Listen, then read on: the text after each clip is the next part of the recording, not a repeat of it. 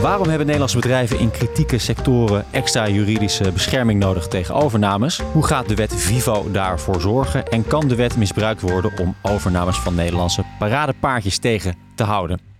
Mijn naam is Koos Voren. Dit is Stibbe Legal Insights. Deze aflevering duiken we in de wet Vivo, die eh, per 1 juni, dus vandaag, van kracht is geworden. De wet zorgt voor een screening van investeringen in bedrijven in kritieke sectoren uit binnenland, maar vooral ook uit buitenland. Investeringen en overnames mogen niet zomaar gedaan worden en moeten langs de minister. In het huidige geopolitieke klimaat kun je daar met bedrijven als ASML en de Rotterdamse haven wel iets bij voorstellen. Ik ga er verder over praten met uh, advocaten van Stibbe, namelijk Roos Elemans en Duco de Boer. Welkom allebei. Dankjewel. Laten we eerst eventjes vaststellen waar we het nou over hebben en ook vooral waarom. Uh, in de media uh, verschenen al koppen als het ministerie van Economische Zaken gaat bekijken of het nodig en mogelijk is de overname van het Delftse chipbedrijf Novi en door Nexperia tegen te houden. Uh, EZK-ministerie bevestigde te gaan bekijken of de overname onder de nieuwe wet valt, waarmee voorkomen kan worden dat sensitieve technologie in buitenlandse handen valt. Nou, dat moet dan uh, de wet Vivo zijn, neem ik aan, uh, Roos. Ja, dat klopt inderdaad. Wat we eigenlijk zien is dat bedrijven steeds meer worden gezien als een middel om geopolitieke doelen van staten te bereiken. Dat gaat dan niet alleen op een illegale manier. Dus dan moet je denken aan uh, cyberaanvallen of uh, bedrijfsspionage. Um, maar dat kan ook op een legale manier gebeuren. Uh, en dan hebben we het over investeringen, fusies en overnames bijvoorbeeld. En door de wet FIFO, dat staat voor Veiligheidstoets Investeringen, Fusies en Overnames, mogen investeringen in bepaalde kritieke sectoren, en dan hebben we het over sectoren die raken aan nationale veiligheid, um, niet meer zomaar worden gedaan, maar die moeten eerst worden getoetst en goedgekeurd. Ja. Door wie? Door uh, formeel de minister. En dat wordt allemaal uh, voorbereid en dat onderzoek wordt gedaan door het bureau Toetsing Investeringen. En dat is eigenlijk onderdeel van EZK. Dus zij doen het voorbereidende werk en dan is het formeel uh, de minister van de EZK die het besluit neemt. Nou, die wet Vivo introduceert dus een uh, toets voor investeringen in vitale aanbieders, bedrijfscampussen en ondernemingen die actief zijn op het gebied van sensitieve technologie. Daar komen we zo nog uh, over te spreken. Ja. En als er dus een investeerder is die een ja, bepaalde mate van invloed wil krijgen in zo'n bedrijf, dan kan dat niet zomaar, moet het, maar moet het eerst worden uh, goedgekeurd, moet, de melding, moet hij de investering melden. En dan wordt er een onderzoek uitgevoerd en op die basis kan, uh, kan de minister besluiten de overname goed te keuren. Soms onder voorwaarden, maar het kan ook uh, worden verboden. En dan even specifiek die, die NOI-casus, hoe zat dat dan? Ja, nou NOI is vorig jaar overgenomen door Nexperia. Uh, dat is een bedrijf uit Nijmegen. Maar dat bedrijf heeft een Chinese eigenaar. Dus eerder door Chinezen overgenomen. Dat is helemaal geen bedrijf uit Nijmegen. Nee, als je verder kijkt, uh, inderdaad uh, niet. En minister Adriaanse die gaat kijken of zij die transactie op, de grond van de, op grond van de wet Vivo kan beoordelen. En dat heeft weer te maken met de terugwerkende krachtregeling, waardoor dus ook een overname die in dit geval vorig jaar al is afgerond, ja, in het ergste geval kan worden teruggedraaid. Nou, deze wet is er dus voor bedoeld om Nederlandse bedrijven te beschermen tegen uh, investeerders die de nationale veiligheid in gevaar brengen, onder andere. Uh, er wordt daarom een controlemechanisme opgetuigd. Nou, we kunnen zeker in deze tijd wel een aantal, vooral buitenlandse gevaren bedenken. Rusland, maar misschien ook China. Heeft dat ook met de totstandkoming van deze wet te maken of is er nog meer, Duco? Nee, dat klopt. Geopolitiek en de, de verschuiving van een situatie waarin, laten we zeggen, Amerika het machtigste, machtigste land was, onze bondgenoot, naar een situatie waarin uh, China opkomt als uh, geopolitieke supermacht. Het is nog niet eens zo heel lang geleden dat de economie van, van China kleiner was dan die van Nederland. Uh, dat is nu totaal anders. Het is nu de ene grootste economie van de wereld. En China is niet, laat ik zeggen, China is een land dat niet per se dezelfde westerse normen en waarden hanteert als wij op het gebied van nou, het belang van de democratie, liberale markteconomie, mensenrechten. En tegelijkertijd zie je dat wij en heel veel andere landen met elkaar nauw verweven zijn. Globalisering. Dat heeft heel veel voordelen gebracht uh, voor Nederland en, en de ook open economie die wij zijn. Maar het besef is nu toch ook in Den Haag ingedaald dat dat ook gepaard gaat met risico's uh, voor onze nationale veiligheid. Dat wij afhankelijk zijn ook van andere landen en, en te zeer afhankelijk. En dat we dus, dus een instrumentarium moeten hebben uh, om ons te beschermen tegen, nou, wat Roos ook al zei, uh, buitenlandse actoren die geopolitieke doelen uh, willen bereiken door bedrijven over te nemen of te investeren in Nederland. Ja. En maakt het eens concreet van wat, wat zou een, een nationaal gevaar kunnen zijn veroorzaakt door zo'n buitenlandse mogendheid die kwade wil heeft? Als je het hebt over die afhankelijkheid, dan is de, de energiecrisis die we vorig jaar hadden met Rusland natuurlijk het beste voorbeeld. We hebben altijd gedacht, even één stapje terug, dat die afhankelijkheid van elkaar, uh, dus wij van Rusland, maar Rusland ook van ons, hè, voor geld, en wij waren afhankelijk voor, van Rusland voor gas, dat dat uh, in ons beider belang was. En, en, en dus zou dat leiden tot stabiliteit en vrede. Maar wat wij denk ik vergeten zijn, dat veel van dat soort afhankelijkheden asymmetrisch zijn. Wij kunnen niet uh, lang zonder Russisch of konden. Hè, inmiddels zijn we afgekikt van het Russische gas deels. Wij, wij kunnen niet lang zonder Russisch gas, maar Rusland kan... Kan het ergens anders verkopen. Die kan, en die kan ook best een tijdje zonder ons geld. Ook als ze het niet direct ergens anders kunnen verkopen. Um, dus dat gaf vorig jaar een acuut uh, acute crisis. Uh, en die heeft ons als Nederland ook heel veel geld gekost.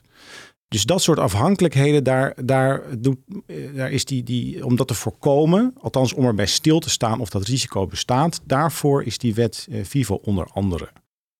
Maar de echte casus hè, die dit issue, want nu hebben we het over economische veiligheid, op de agenda heeft gezet, die is alweer van 2012. En toen ging het niet om, om, om, China of om Iran of om Rusland. Maar toen ging het om een miljardair uit Mexico, Carlos Slim. En die wilde toen KPN overnemen. Um, en toen bleek, hey, wacht eens eventjes, KPN beheert essentiële defensie en, en andere overheidsnetwerken. En ja, wij als overheid hebben eigenlijk geen middel om om te toetsen of we dit wel in het belang vinden van Nederland. En, en, en zo nee, om die overname te blokkeren. Kunnen we helemaal niet. Gelukkig had KPN, net zo ongeveer de helft van Nederlandse beursbedrijven heeft dat, zo'n beschermingsstichting. En die heeft de zogenaamde call-optie uitgeoefend. Uh, en zodoende kon uh, de Mexicaan KPN niet overnemen. Toen is dus het besef gekomen, hé, hey, hier moeten we wat aan doen. Nou, en dus die geopolitieke dreiging. Die is er vervolgens bijgekomen. Ja. En toen kregen we ook nog eens eroverheen COVID-19, die pandemie. Onze economie, onze bedrijven waren kwetsbaar. En toen kwam ook vanuit Europa het bericht: uh, lidstaten, uh, zorg dat je je wetgeving op orde hebt en dat je niet voor een schijntje belangrijke bedrijven laat overnemen. En, en toen uh, is ook die wet FIVO in, in, in versnelling, uh, zo'n versnelling geraakt. Ja, ja dus eigenlijk heb je een soort van eerste casus gehad, daarna de grote dreiging en een soort van katalysator met corona. Ja, en die katalysator die was heel belangrijk, want in Nederland is het, is het, het, het, het, vestigingsklimaat, dat is een, een heilige koe. en we willen eigenlijk niks doen om, om, om dat ja, uh, te belemmeren, het moeilijk te maken om te investeren. En dat heeft heel lang in de weg gestaan aan de implementatie van dit soort wetgeving, denk ik. Ja, dat klopt inderdaad. En je ziet ook natuurlijk wel uh, dat het ook wel ergens gevoelig is. Want China is al meerdere keren gevallen in, de, in, deze podcast nu. Ja, het zet al, al die eigenlijk beschermingswallen die, worden, ja, die we aan het optuigen zijn zet de verhoudingen natuurlijk ook wel een beetje op scherp. In een rapport van november vorig jaar van de AIVD, de MIVD en NCTV werd China genoemd als de grootste bedreiging van de economische veiligheid voor Nederland dan. En ja, dat was natuurlijk wel een schop tegen het, uh, tegen het zere been van China. En daar is uh, minister Hoekstra uh, tijdens zijn bezoek aan China afgelopen week um, ook op aangesproken. Dus dat, ja, het is allemaal goed te begrijpen. En er zijn directe aanleidingen geweest die de noodzaak van die regelgeving ook wel weer ja, hebben laten zien. Maar het brengt ook gevoeligheden met zich mee. Interessant. Uh, maar goed, uh, we hebben dus wel echt een aantal dingen uh, nodig gehad om tot deze inzichten te komen in de afgelopen 10, 11, 12 jaar. maar toch kun je wel stellen dat het rijkelijk laat is dat we hier mee aan de gang zijn gegaan. Waarom heeft dat zo lang geduurd, Duco? Ja, ik ben het met je eens. Ik vind het ook, het heeft heel lang geduurd. En dat is denk ik deels naïviteit geweest. Maar ook die gedachte van uiteindelijk zal handel met andere landen ertoe leiden dat die andere landen uh, worden zoals wij. Rusland is daar een goed voorbeeld van hoe dat niet het geval kan zijn. Maar in Nederland het is ook, ook opportunisme. Hè? Dat we het in Nederland zo lang hebben uh, laten, laten wachten. Dat had er ook mee te maken dat andere landen het al wel hadden. En dan dachten wij van, nou ja, dat, dan zijn wij misschien, is ons investeringsklimaat weer uh, aantrekkelijker. Want in, uh, in Amerika heb je CFIUS al heel lang, geloof ik sinds de jaren 70. In Duitsland heb je het ook al een jaar of tien. Frankrijk heeft dat ook en wij hadden dat niet. Nou, nu hebben we het binnenkort wel, gelukkig wel zou ik ook zeggen. En zelfs in een land als IJsland hadden ze dit soort wetgeving. Een jaar of tien geleden, ik woonde toen op IJsland, was er een Chinese miljardair en die wilde een stuk uh, IJsland kopen. Gelijk aan, ik meen, uh, eh, 1% van de landmassa van IJsland. Dus gigantisch. In het noordoosten van IJsland. En um, ja, ik weet daar woont waarschijnlijk niemand. Ik weet niet of je IJsland goed kent, maar daar woont echt helemaal niemand. Nee. Uh, daar lopen wat schapen rond. Uh, het is heel koud. Uh, en daar, het, het, het, volgens mij kan je er niet eens wonen, zo koud is het. Uh, maar deze Chinees die wilde dat kopen en iedereen vroeg zich af, ja, wat wil je daarmee doen? Nou, hij zei, ik wil er een eco-resort van maken. Nou, op IJsland mag een buitenlander niet zomaar land kopen, dus de overheid moet dat goedkeuren. Uiteindelijk hebben ze het niet goedgekeurd. Chinezen heel erg boos. Um, en, en waarom niet? Omdat ze um, er eigenlijk achter kwamen van, hé, hey, wacht eens eventjes. Die noordelijke ijskap die smelt. En dat noordoosten van ons land, dat ligt dan eigenlijk heel strategisch um, voor de, de, de, de nieuwe vaarroute. Als straks uh, het hele jaar door je via uh, het noorden um, uh, Europa kan bevaren. En toen kwam ook wel het vermoeden van, nou ja, misschien zit hier ook wel weer die Chinese overheid achter, die een foothold daar op IJsland wil hebben, een mooie haven wil aanleggen. Ja. Um, dus het, het, interessante daaraan is dat je dus ook niet altijd precies weet wat erachter zit. Uh, maar je kan wel uh, vaststellen, er is een risico. En dat is ook wat de Vivo uh, doet. Die, die kijkt naar risico's. Ja, en een extra analyse dus. Ja. ja. ja. Want je kan niet altijd direct zien wat nou de intenties zijn van zo'n buitenlandse mogelijkheid die iets wil kopen of Klopt. investeren. Klopt. Ja. ja. Nou, nou komt er dus die wet, die extra analyse. Uh, wat doet die wet precies, Roos? Ja, uh, in, een, uh, in een notendop. Zoals ik al zei, ja, die wet introduceert een toetsing van investeringen die raken aan vitale aanbieders, bedrijfscampussen en sensitieve technologie. En je hebt met die toets te maken uh, niet alleen als je in dat soort bedrijven zeggenschap krijgt. dus dan moet je vaak denken aan, nou, ik krijg 5, 50% of meer van de aandelen. Dus dat is best een flink deel. Maar ook voor bepaalde zeer sensitieve technologie kun je al met de wet FIFO te maken krijgen als je daar een minderheidsbelang in neemt. Dus zelfs als jij vanaf 10% van de aandelen verkrijgt of wil verkrijgen, dan kun je al met de wet FIFO te maken hebben en mag dat niet zomaar. Ja, en wat zijn dan sensitieve technologieën? Sensitieve technologieën in Nederland, um, dat is allemaal weer gedefinieerd in de wet FIFO ook, uh, maar je moet uh, daarbij denken aan de technologieën die um, zowel militaire als um, particuliere uh, gewone toepassingen hebben, dus dual use goods.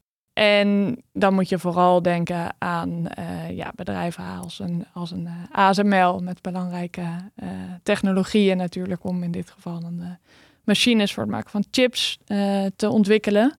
Die chips die ook weer in, ehm, bij, bij leger dingen tanks gebruikt kunnen worden. Ja, precies. Dus niet alleen door particulieren en bedrijven, maar ook door, door defensie en die ook ja, voor andere toepassingen gebruikt kunnen worden.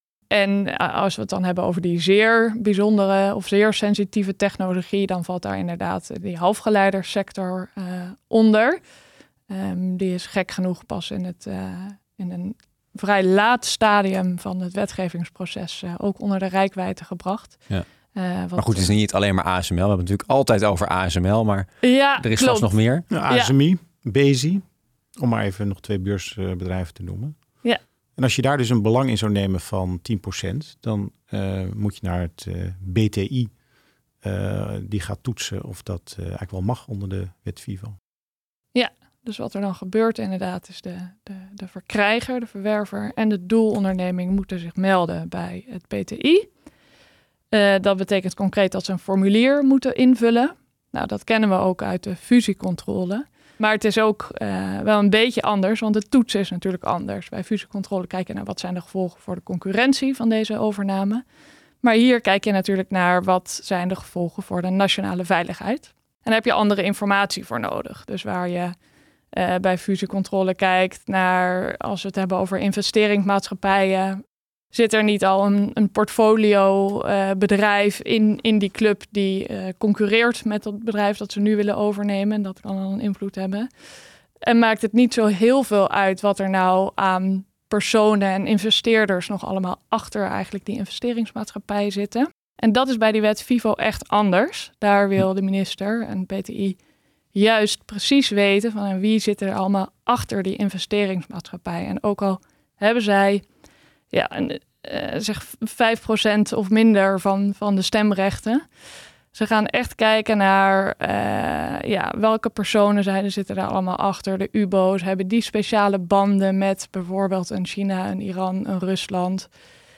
Hebben zij manieren om uh, zo'n investeringsmaatschappij toch op informele wijze te beïnvloeden? En nou ja, wat zijn, wat zijn gevaren die we daar zien? Dus je moet daar echt wel alle informatie gewoon over, uh, over verstrekken. Lijkt me ontzettend uh, veel maatwerk eigenlijk. Want geen enkele deal is hetzelfde als een andere deal. Want bij de een heeft weer die partij een 5% minderheidsbelang. Bij de ander is het op een bepaalde schaal 8 op 10 sensitief. Het, het, het zijn allemaal een soort van uh, cocktails van factoren. Ja, ja, het zal per, per zaak inderdaad verschillen ook welke informatie er precies allemaal moet worden aangeleverd. PTI eh, zegt natuurlijk, ja, het proces versnellen we gewoon als je ons zoveel mogelijk informatie geeft, want dan kunnen wij alles volledig uh, beoordelen. Meldende partijen zijn daar misschien wat terughoudender in, willen het liefst zo min mogelijk informatie geven. Dus daar, daar zit een spanning. En uiteindelijk zal het BTI gewoon als ze denken, ja, wij willen hier meer over weten, of wie zijn dan precies die um, personen of bedrijven met zo'n minderheidsbelang, dan zullen ze daar gewoon weer vragen over stellen. En kan, je, uh, kan het langer duren voordat je goedkeuring krijgt. Dat is van belang, want er geldt een standstilverplichting. En dat betekent dat zolang jij geen goedkeuring hebt gekregen voor die transactie, mag je die transactie ook niet voltooien. Dus je moet uh, wachten tot, uh, tot je de zegen hebt van, van de minister. Ja. En in sommige gevallen kan dat, kan dat lang duren. En kan het misschien een deal afketsen? Ja, als het er helemaal niet komt natuurlijk. Ja. Eh, of als het gewoon te lang duurt. Ik kan me voorstellen dat zo'n investeerder denkt... ja, laat maar zitten, ik ga weer ergens anders kijken. Ja, nou, het zit, zit wel tegenwoordig al vrij goed in de systemen ook van, van allerlei investeerders. En uh, die hebben het op hun lijstje wel staan van... hey, moeten we rekening houden met dat er meldingen gedaan moeten worden? En hoe lang kunnen die processen allemaal duren? Dus dat zit dan... Ja, daar zit een beoordeling in. Maar het kan inderdaad zo zijn als we denken... oh ja, en daar is een proces, daar moeten we melden, dat gaat lang duren. En het is nog maar de vraag of we daar uh, goedkeuring gaan krijgen. Dat je dan denkt, nou, laat, laat maar zitten. Maar dat zal ja, inmiddels wel vroeg in het proces uh, die afweging gemaakt worden. Maar het is dus uh, tijdsintensief. Want, want wat wordt er precies getoetst? Nou, er wordt gekeken naar drie aspecten. Um, in de eerste plaats is die ja, de verwervingsactiviteit, wordt dat genoemd. Hè? Dus een fusie, overname, investering. Eh, kan, kan er een risico zijn op het ontstaan van ongewenste strategische afhankelijkheden. Nou, dus het voorbeeld van, uh, van Rusland en gas, hè, eh, wat ik net gaf. Tweede aspect is, is er een risico op de aantasting van de continuïteit van vitale processen. Dan moet je bedenken dat 80% van de vitale processen in handen is van private partijen. In Nederland. In Nederland, ja. Nou, derde aspect is, is er een risico op de aantasting van de integriteit en exclusiviteit van kennis en informatie. En dan moet je bijvoorbeeld denken aan een bedrijf dat software maakt voor uh, Patriot uh, raketafweersysteem als dat bedrijf wordt overgenomen, is er dan het risico dat die kennis weglekt naar een bepaald land dat dat dan kan inzetten voor haar eigen uh, wapenindustrie. Hè? En dan, dan raak je aan de nationale veiligheid van Nederland. Want daarmee kan Nederland of een van haar bondgenoten bedreigd worden. Dan wordt er dus, als er dus wordt getoetst, hè, dan wordt er gekeken naar, uh, naar de target. Hè? Hoe kwetsbaar is die? En zijn er, zijn er voldoende alternatieven? Hè? Als die, laat zeggen dat, dat, die, dat die target iets strategisch, strategisch product maakt. En dat komt in handen van een land met een vlekje, laat ik zo zeggen. Hm. Dat is misschien niet per se erg als er alternatieven zijn. als het een van de tien bedrijven in Nederland Precies. is die dat doet. Ja. ja. Want wat staat daarover in de wet, over sectoren? Maar de eerste is vitale aanbieders. Um, en dat zijn eigenlijk ja, ondernemingen die een heel belangrijke rol hebben gewoon in de Nederlandse uh, samenleving en maatschappij. En als die wegvallen, uh, als die diensten bijvoorbeeld opeens gewoon niet meer geleverd worden, dan hebben wij als Nederlandse maatschappij gewoon een groot probleem.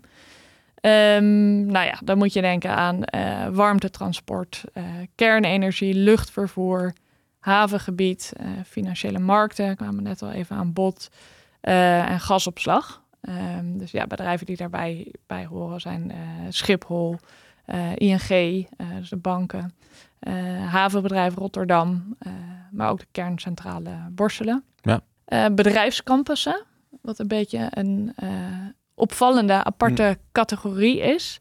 Maar die is erbij gekomen omdat de Tech Campus Eindhoven door een Singaporese staatsbedrijf werd overgenomen.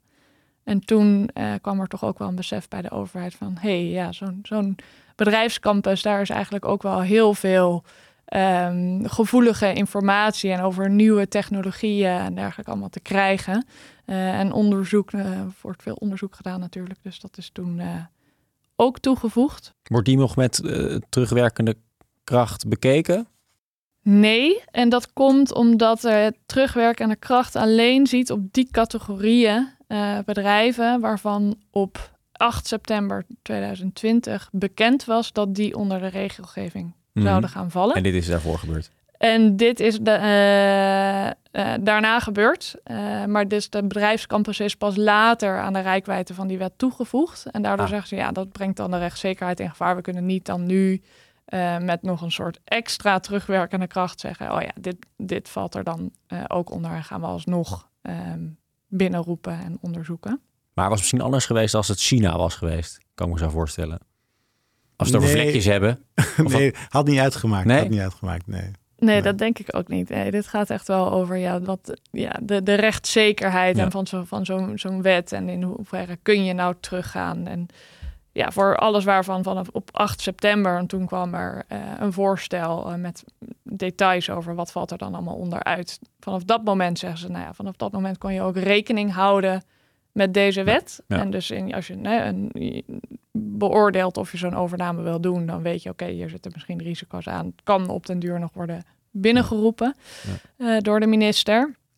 en voor alles wat op dat moment nog niet duidelijk was, daar ziet dat niet op. En dat daar behoort ook toe dat halfgeleiders, wat we al even uh, bespraken, maar dat clubje zeer sensitieve technologie is ook uh, pas later, later toegevoegd. Ja, nou dat is dus, je hebt dus vitale aanbieders, bedrijfscampussen en dan een specifiek product bijna, uh, halfgeleiders. Biotechnologie zit er dan weer niet in. Klopt. Uh, en dat is op zich uh, natuurlijk opmerkelijk als je kijkt naar de hele uh, COVID-crisis. Zeker omdat het ook door de COVID is versneld. Ja, volgens mij staat ja. toch, staat ook in de memorie van toelichting, wordt als voorbeeld genoemd van het belang van deze wet. de, de overname door Trump, geloof ik, van een Duitse vaccinmaker tijdens, tijdens corona. Um, ja. Maar vaccinmakers zelf vallen nu niet onder de wet Vivo. Klopt, inderdaad. Ja, Trump die had gezegd, ik ga die Duitse vaccinmaker overnemen en die vaccins alleen maar beschikbaar stellen voor uh, Amerikaanse inwoners. Ja, dat hij dat dan nou, ook al van tevoren prijsgeeft. ja, nou ja, daar, ja. Daar, daar is Duitsland niet mee akkoord gegaan. Uh, maar gek genoeg uh, is het inderdaad um, ja, geen onderdeel van, van de wet Vivo. Nu is het wel zo dat die rijkwijde van de, van de wet Vivo bij ANVB nog kan worden uitgebreid. dus daar is niet een heel wetgevingsproces nog voor nodig, maar dat kan relatief snel. En daarmee heeft eigenlijk de minister dus nog een extra mogelijkheid gekregen om in te spelen op bepaalde veranderingen. Uh, die nu, nu, niet, nu niet voorzien zijn of waar um, ja, al eerder over gezegd is dat ze nog naar aan het kijken zijn van hey, zou dat er niet ook onder moeten vallen. Uh, maar nog geen conclusie over is genomen, is de voedselvoorziening, gezondheidszorg en ook landbouwgronden bijvoorbeeld. Ja.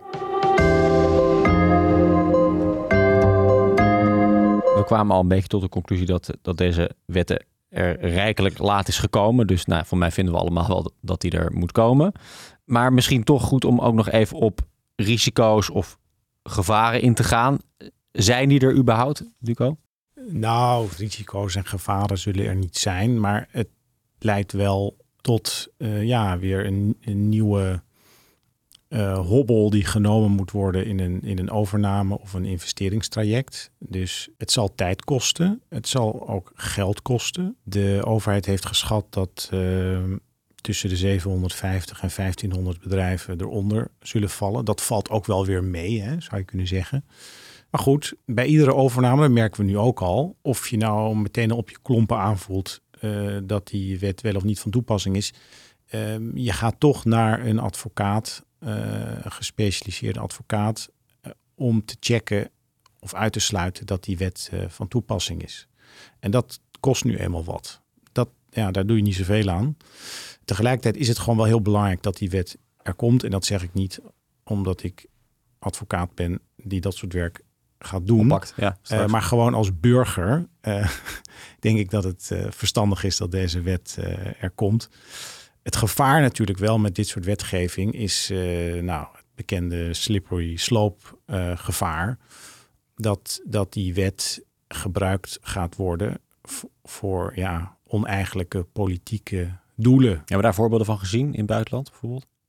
Zeker. In uh, Frankrijk, maar dat is ook al heel lang geleden hoor, ging de overname van Danone niet door, want dat zou onderdeel zijn van het. Uh, nou, dan, de yoghurt zou, zou van strategisch uh, belang zijn voor Frankrijk. Uiteraard. ja, ja, dat klinkt logisch. Um, en dat moet je uitleggen. En ik geloof, wat was het? Roos noemde laatst uh, voorbeeld toch van Birkenstock in Duitsland. Ja, ja, klopt inderdaad. Birkenstocks die worden in Duitsland kennelijk veel gedragen door artsen.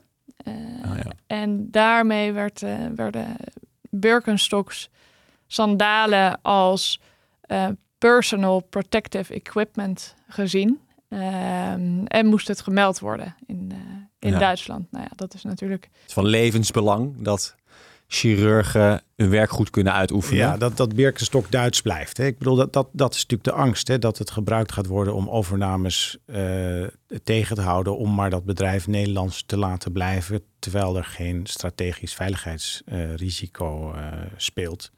Ja. Um, dat, dat is denk ik het, het gevaar. En um, ja, we, we, weten niet wie er in de toekomst in de Tweede Kamer zit of in de regering. Stel dat, uh, dat uh, de BBB in de regering komt dan zal je heel snel zien, nou, dan bestaat het risico, sorry, dat landbouwgronden opeens ook onder de wet uh, FIVO vallen. Uh, of juist niet, als het in het belang is dat die uh, eerder kunnen worden verkocht. Hè? Dat, is, dat is precies het risico van deze wet, dat de politiek ermee aan de haal gaat. Ja, en een voorbeeld daarbij is ook nog wel, als we weer teruggrijpen op NOI, um, dat de Europarlementariër Bart Groothuis van de VVD. Um, ja, die heeft eigenlijk vooral te kennen gegeven bezwaren te hebben tegen die overname. Niet zozeer voor de nationale veiligheid, maar ja, hij vreest dat met name het verdienvermogen van Nederland daarmee zal weglekken naar China. Nou ja, dat zijn eigenlijk puur economische belangen. Uh, en daar is deze wet niet voor bedoeld. Maar er zal weinig openbaar worden gemaakt over de wet. Dus bijvoorbeeld goedkeuringsbesluiten van de minister gaan we niet zien. Goedkeuringsbesluiten onder voorwaarden. Dus waarbij ze zeggen, nou ja, die transactie mag wel doorgaan, maar we verbinden daar bepaalde voorwaarden aan. Er moet bijvoorbeeld een, een, een onafhankelijk toezichtsorgaan worden aangesteld die uh, ja, mee gaat kijken met die bedrijfsvoering en de besluitvorming in zo'n bedrijf, zodat we kunnen, ja, in de gaten kunnen houden dat er geen uh, risico's ontstaan. Of er wordt een beperking aangebracht in, je krijgt niet bepaalde vetorechten of dat soort, uh, dat soort dingen. Maar dat wordt allemaal niet gepubliceerd.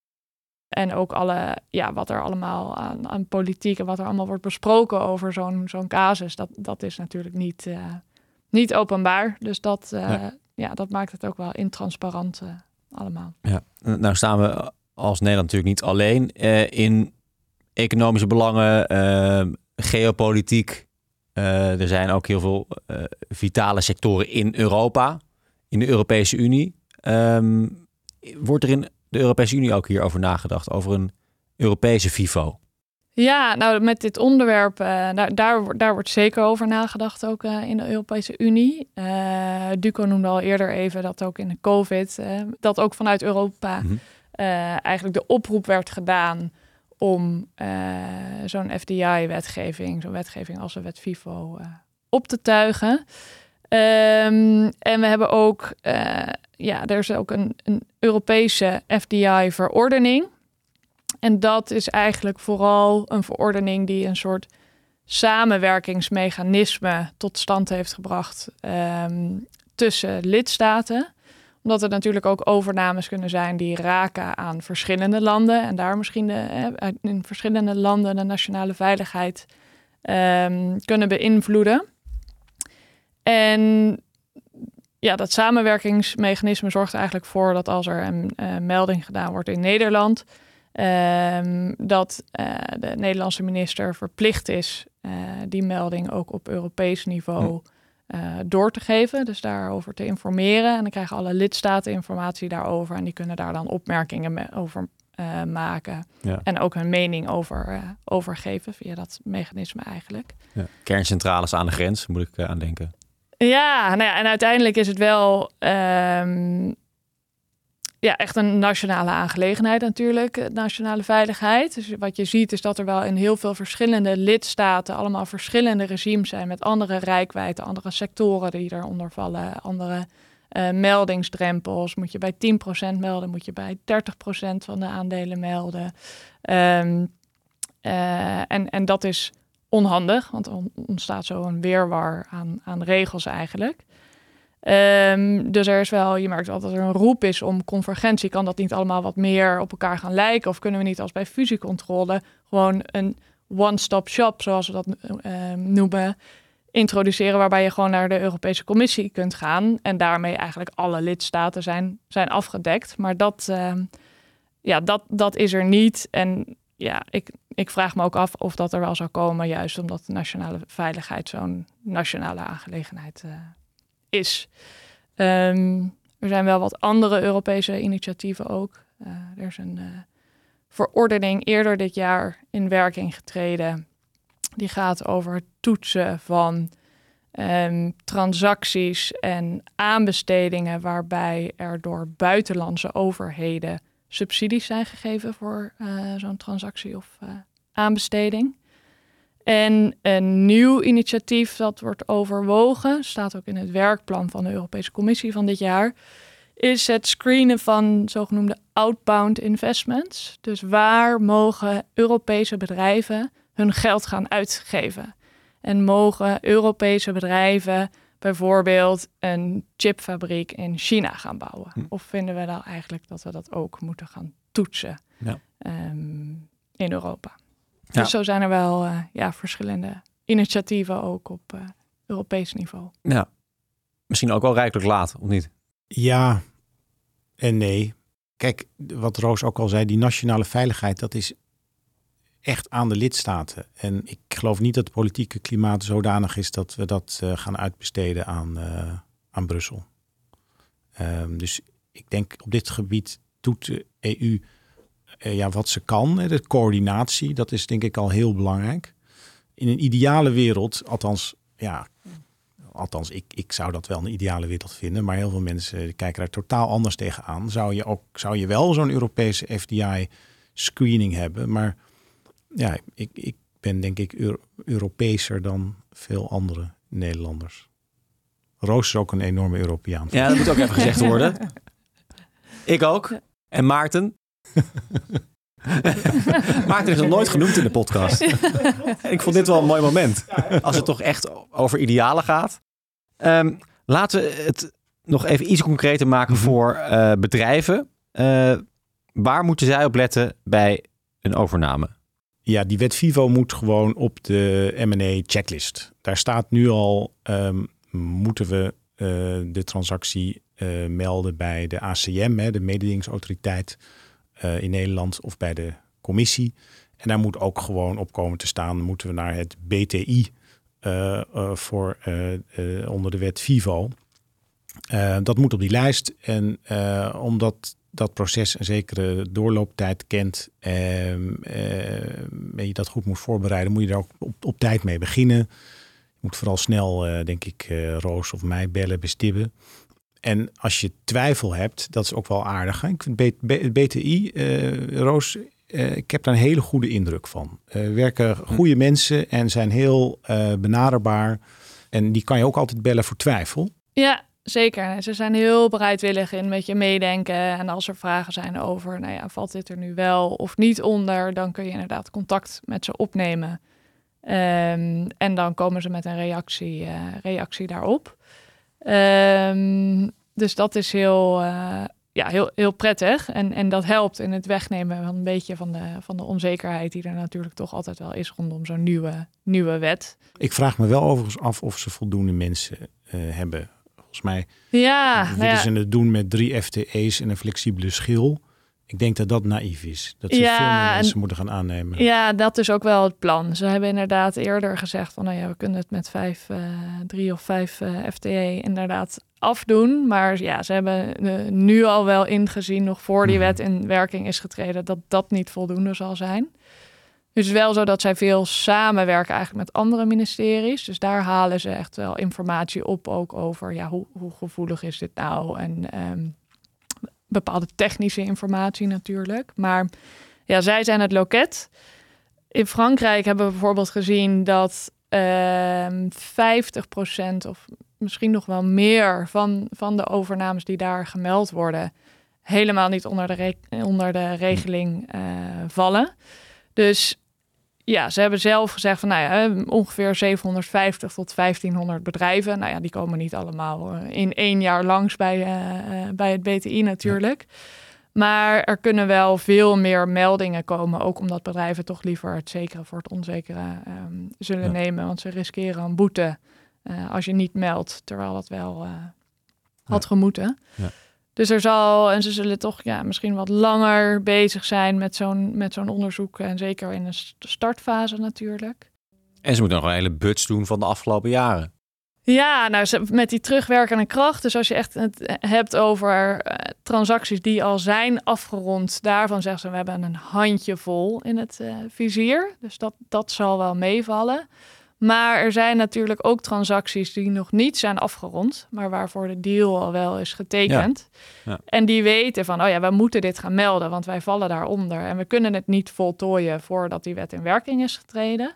Nou, die staan allemaal een soort van in, in, in de wachtrij tot ze, tot ze naar binnen eh, kunnen. Ehm, En hoe moet ik dat nou voor me zien? Stel dat daar wordt besloten dat die overname eigenlijk niet had mogen plaatsvinden. Worden die weer terug zelfstandig? Ja, dus dan eh, als je het dan echter hebt over de transacties die al zijn voltooid, ehm, zit je met een lastige situatie. Eh, dat echt alsnog verbieden zal ja, de, soort van de, de laatste stap zijn voor, voor de minister.